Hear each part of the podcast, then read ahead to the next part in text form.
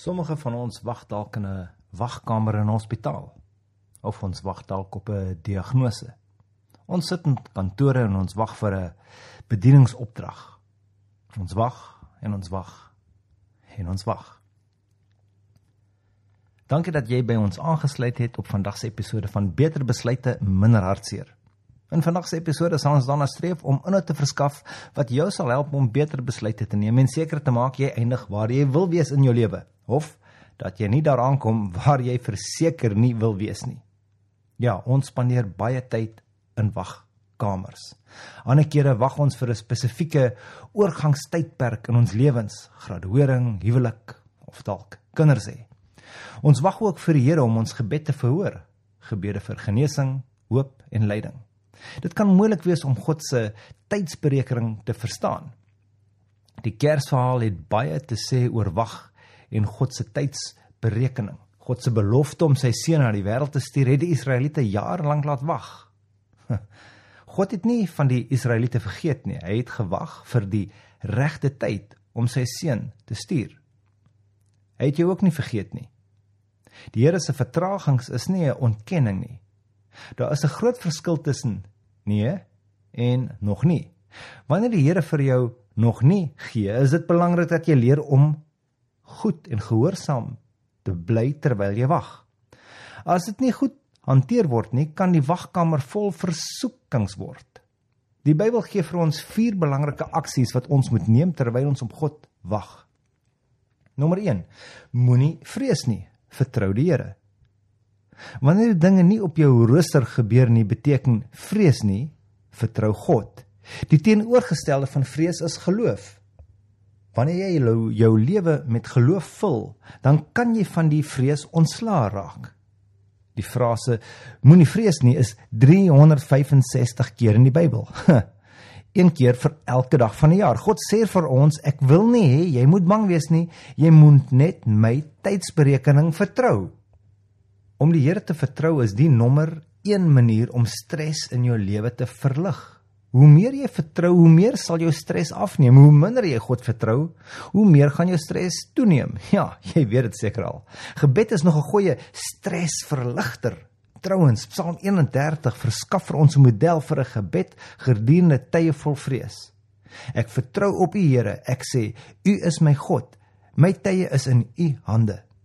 Dit is moeilik om dit te bid wanneer ons in die wagkamer van die lewe is, maar om te erken dat ons tye in God se hande is neem die druk af. Nommer 2. Moenie bekommerd wees nie, wees geduldig. Hm. Wanneer jy kwel, raak jy gestres, angstig, geïrriteerd. Ons is bekommerd wanneer ons wêreld te vinnig beweeg en wanneer dit te stadig beweeg. In die Bybel sê dit: "Wees stil voor die aangesig van die Here en wag geduldig dat hy optree. Moenie bekommerd wees oor bose mense wat voorspoedig is of bekommerd is oor hulle bose planne nie. Hou op om kwaad te wees. Bekeer jou van jou woede. Moenie jou meer verloor nie. Dit lei net tot skade. Dit is Psalm 37. Die psalmdigter herinner ons dat een van die grootste redes waarom ons in die wagkamer gestres word, is dat ons fokus op wat in ander se lewens gebeur. Ons wonder hoekom God hulle seën terwyl ons wag. Om geduldig op die Here te wag is 'n verklaring van geloof. Jy komplimenteer die Here deur te sê Here, ek vertrou U. Ek wag vir U. Ek maak staat op U.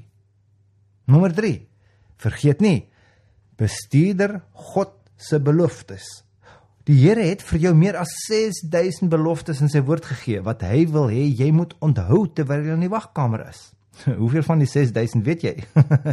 jy kan nie daar beloftes opeis teen sy jy dit ken nie. Dit is so. As jy 'n versekeringspolis het en jy weet nie wat daarin staan nie, Hm, dan is jy seker dalk beangstig daaroor. As jy in 'n ongeluk beland, weet jy nie wat dit dek nie, maar as jy weet wat in die polis is, hoef jy nie bekommerd te wees nie. En die Bybel is die beleid oor jou lewe.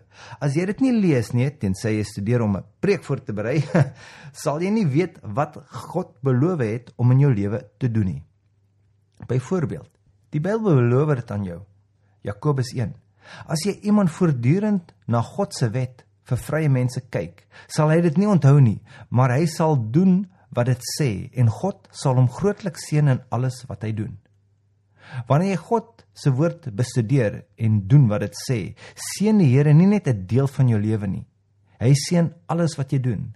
Dit beteken dit maak nie saak wat aan die ander kant van jou wagkamer is nie. Die Here sal jou seën. Jy kan op daardie belofte staatmaak. Nommer 4.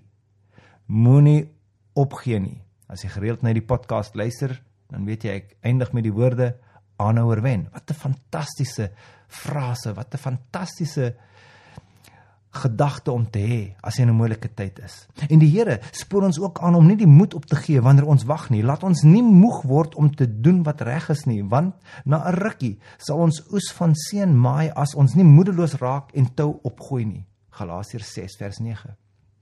Net omdat die Here nie aan jou rooster werk nie, beteken dit nie dat jy moet opgee nie.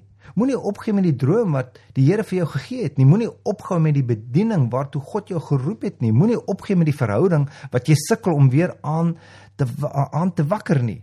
Die Here het nie opgegee op jou nie. Moenie opgee op hom nie. Die lig is aan die einde van die tonnel. Wag, waarvoor jy wag, is dalk reg om die draai. Die inhoud wat in hierdie podcast gebruik word, is gebaseer op verskeie bronne van Christelike bedieninge.